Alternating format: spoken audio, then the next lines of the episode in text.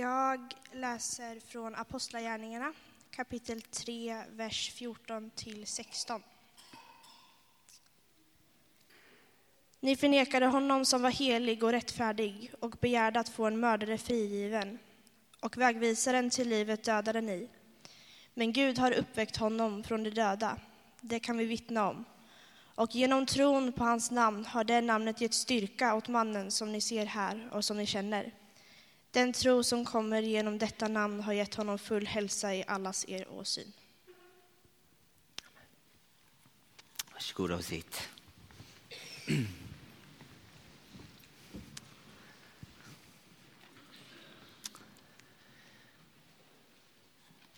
Nu kan ni åtminstone ana en bild här framme på vår vägg. Jag ska säga något mer om vad den handlar om. I september i år så är det premiär för en ny film av filmregissören och manusförfattaren Ruben Östlund. Den kommer heta Turist och den utspelar sig kring en svensk familj på skidsemester i Alperna. Den verkar dock vara något helt annat än en sällskapsresa. Jag vet väldigt lite om filmens egentliga budskap. Men i några intervjuer så har Östlund berättat om nyckelscenen i filmen. Och därför är det inte heller en så kallad spoiler att berätta om just den delen av filmen. Det är lunchtid. Familjen sitter på en uteservering. Och då går en lavin längre bort på berget. Och lavinen kommer allt närmare. Mamman frågar oroligt, är den inte på väg häråt? Men pappan säger lugnande, nej då, det är ingen fara. Men den frustande snömassan, det stora molnet kommer allt närmare. Till slut så tar pappan sin mobiltelefon från bordet och rusar i panik därifrån. Men när det är ungefär 150 meter kvar så stannar lavinen av. Och det blir alldeles tyst. Pappan går tillbaka till bordet. Och där ligger mamman utsträckt med hela sin kropp för att skydda barnen. Det har uppstått en avgrund mellan pappan och den övriga familjen. När de hade behövt hans mod som allra bäst, då flydde han. En kapten som lämnar bryggan och det sjunkande skeppet med dess passagerare åt sitt eget öde. Varför berättar jag nu detta denna påskdag? Jo, det är just i det tillståndet som lärjungen Petrus befinner sig i. En avgrundsbricka har uppstått i hans självbild. Han som alltid hade varit lite mer på tårna än de andra lärjungarna. Han som var först med att identifiera Jesus som Messias. Den räddare som de väntat på. Han som fått uppdraget av Jesus själv. Att vara klippan som kyrkan skulle byggas på. Han har nu, för bara ett par dagar sedan, förnekat att han överhuvudtaget hade något med Jesus att göra. Klippan hade krackelerat och blottar ett bråddjup. Det sista han sett av Jesus det var en blick och så påminner han om vad Jesus faktiskt hade sagt. Att innan tuppen gal i natt ska du tre gånger ha förnekat mig. I och med den där blicken så hade deras vägar skilts åt. Sen blev Jesus slagen, hånad, uppspikad på ett kors. Men vad är det nu Petrus hör kvinnorna säga? Finns det ett halmstrå att gripa om? Något av hans gamla jag finns ändå kvar. Han springer till graven och han finner den tom. Det här är en påskpredikan som har ett enkelt budskap. Det finns alltid en andra chans. Och vi behöver alla ta vara på den chansen. Under långfredagen så läste vi Jesaja 53. Vi gick alla vilse som får.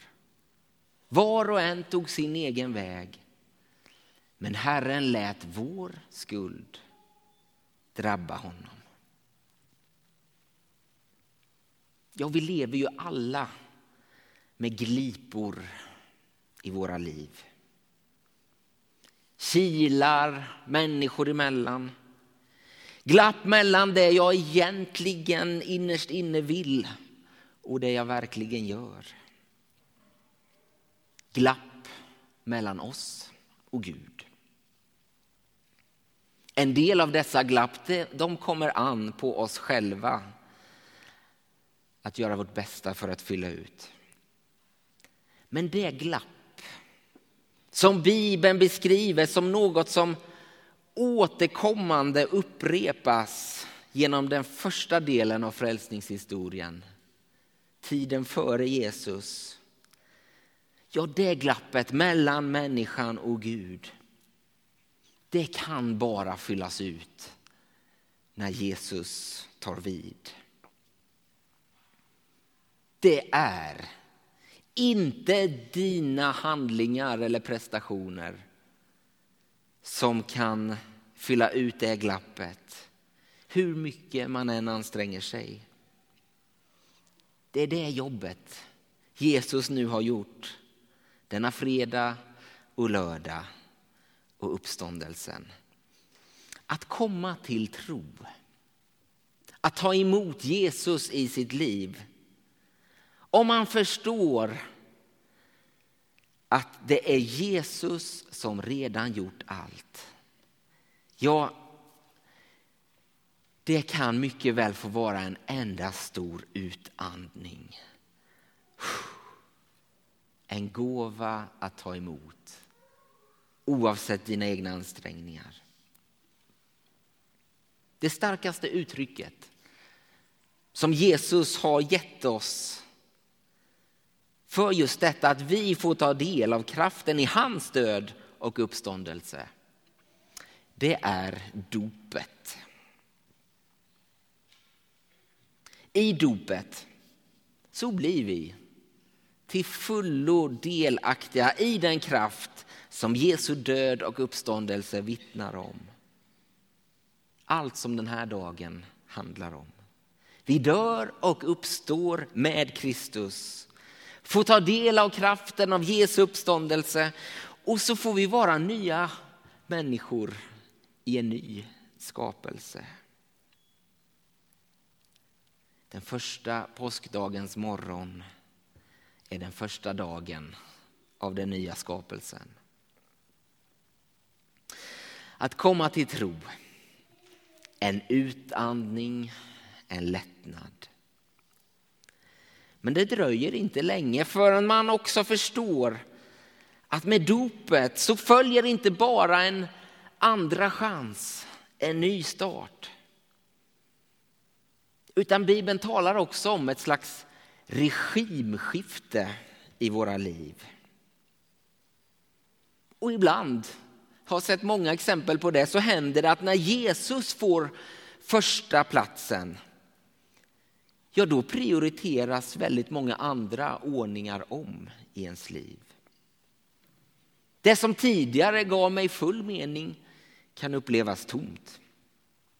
Och det jag tidigare inte ens såg, de jag inte ens såg, blir nu jätteviktiga.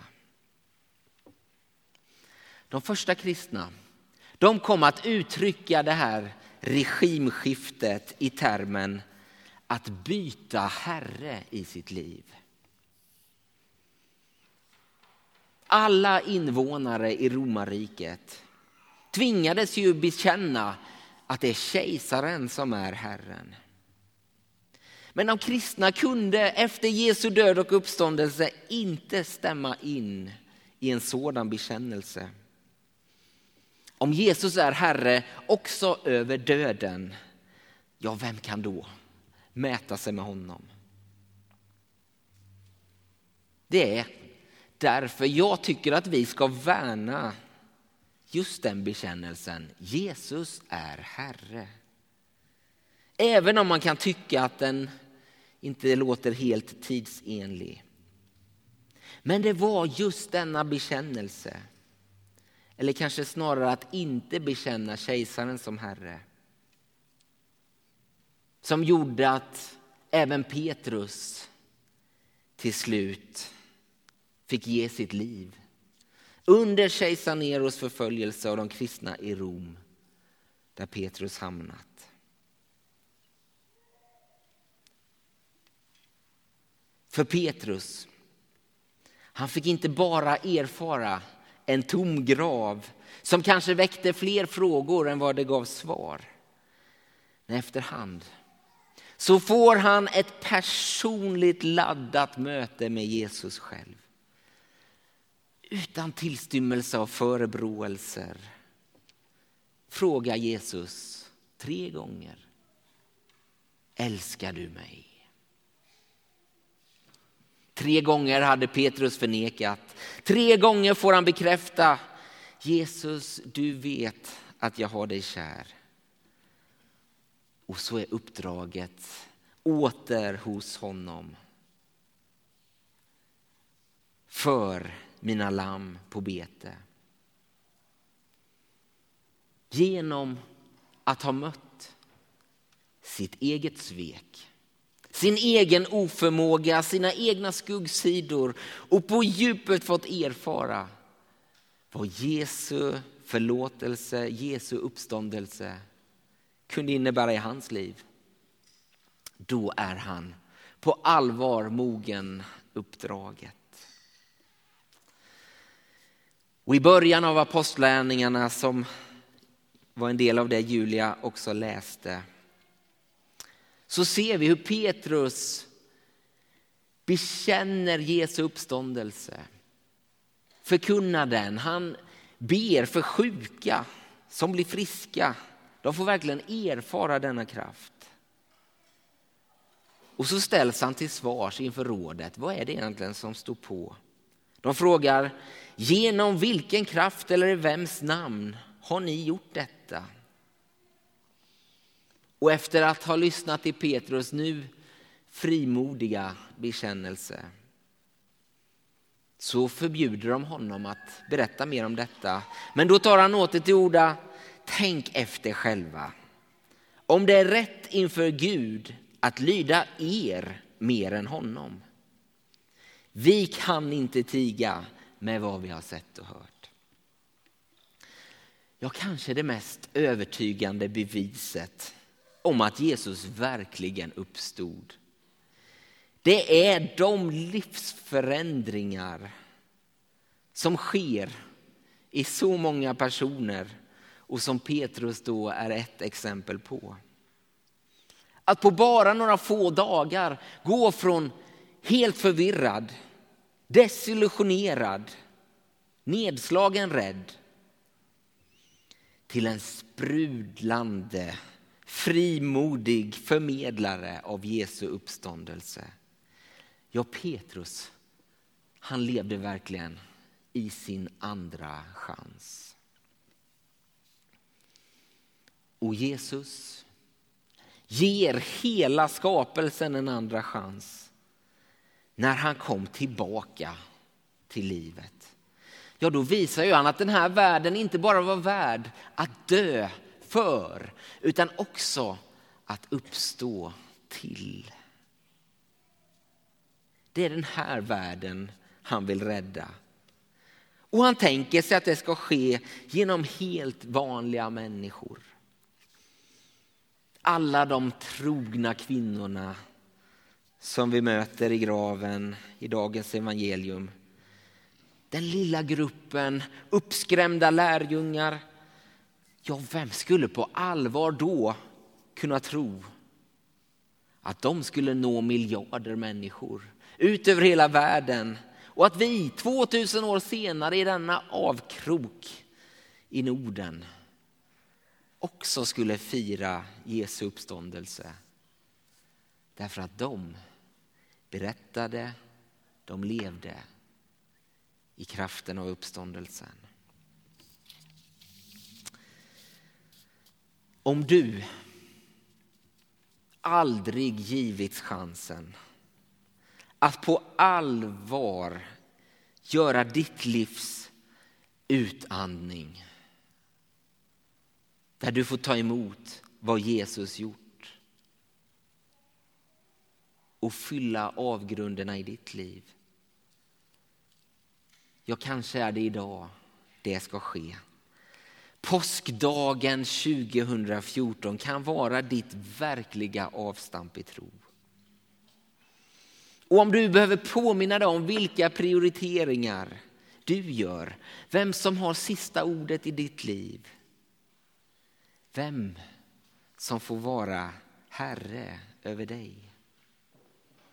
Om en liten stund så firar vi nattvardens gåvor här. Och medan de delas ut, då finns också möjligheten att söka sig bort till vår dopkälla. Vid bordet här kommer jag och Kristina Törnberg stå. Och så får du bekräfta ditt dop.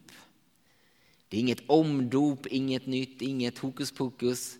Men en slags yttre och inre markering av att ja, jag vill leva i mitt dop. Jag vill leva i kraften av uppståndelsen. Om det så var att du döptes som barn eller om du har det färskt i minnet. Det erbjudandet står öppet för dig. Och är det så att du inte är döpt och tror att det kanske börjar bli dags. Det finns få samtal som jag hellre har och för i min roll som pastor i den här församlingen som just dem. Så låt oss gå vidare i den här gudstjänsten. Låt oss ta del av glädjen och kraften i sången och sen får vi närma oss Herren tillsammans på en rad olika sätt. Amen.